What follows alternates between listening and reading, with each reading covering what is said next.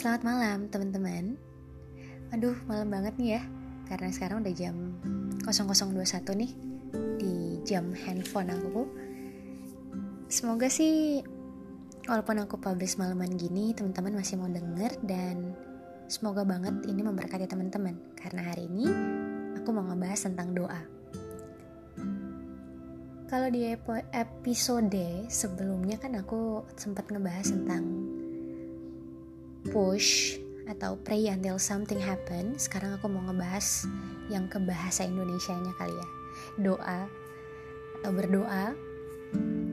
Well, dalam dunia bersosialisasi ada pertanyaan-pertanyaan yang datang ke aku seperti Kenapa sih kita harus berdoa? Emang penting ya berdoa? Tujuannya apa sih berdoa? Kan tadi udah berdoa, kok doa lagi?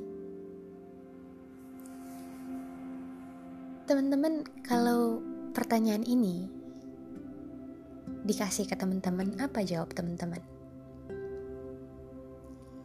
Kalau untuk aku pribadi, aku akan jawab. Doa itu penting sama seperti kita makan vitamin, minum vitamin. Kalau di Alkitab, kita disuruh merenungkan firman Tuhan siang dan malam, artinya day and night, saat terang dan saat gelap. Sama seperti kita makan siang, makan pagi, makan malam. Tubuh kita butuh asupan, rohani kita butuh asupan. Nah, dalam hal kekuatan, kita butuh doa. Kenapa? Karena kita manusia yang punya pengharapan.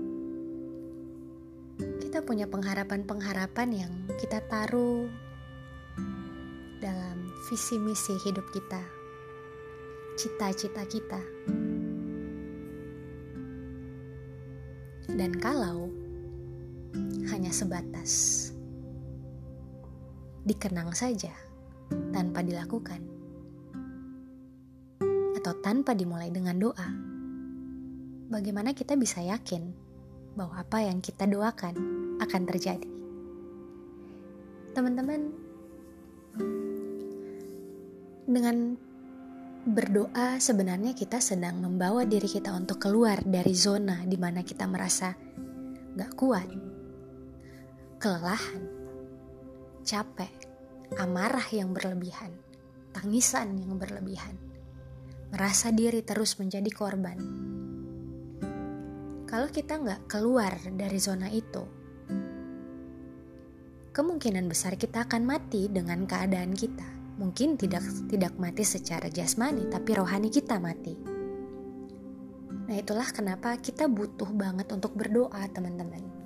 Kita butuh banget untuk menyampaikan apa yang menjadi isi hati kita, harapan kita tangisan-tangisan kita, kebahagiaan kita, rasa syukur kita. Ketika kita berdoa, sebenarnya kita sedang klaim, kita sedang show, kita sedang menunjukkan kepada Tuhan bahwa kita manusia lemah yang membutuhkan Tuhan untuk berperkara atas semua harapan-harapan kita.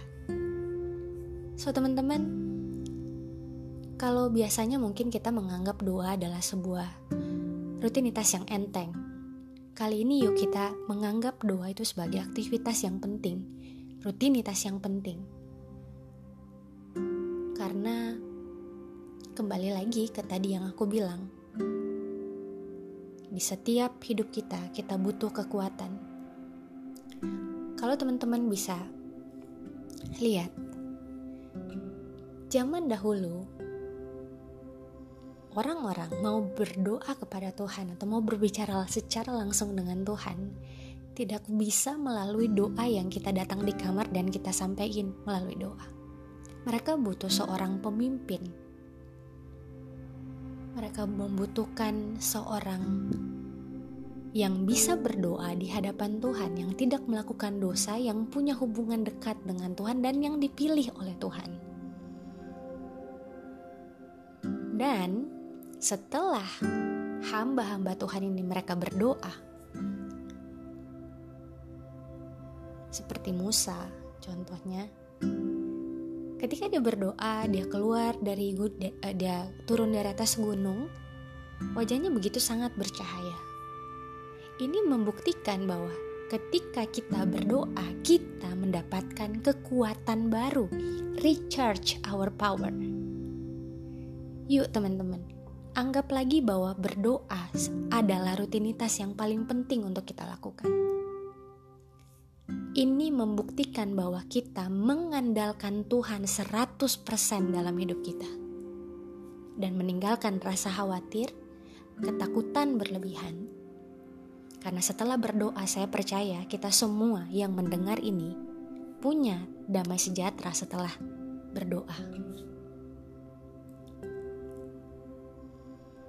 Kalau teman-teman merasa bahwa ada motivasi yang gak benar, selesaikan lebih dulu sebelum teman-teman mau berdoa dan rubah mindset yang tadinya negatif kepada mindset positif. Perbiasakanlah untuk kembali lagi punya aktivitas berdoa dan berbicara langsung dengan Tuhan. Semoga podcast malam hari ini memberkati teman-teman dan mendorong teman-teman untuk memiliki aktivitas berdoa bersama dengan Tuhan. Selamat malam. Selamat tidur. Tuhan Yesus memberkati.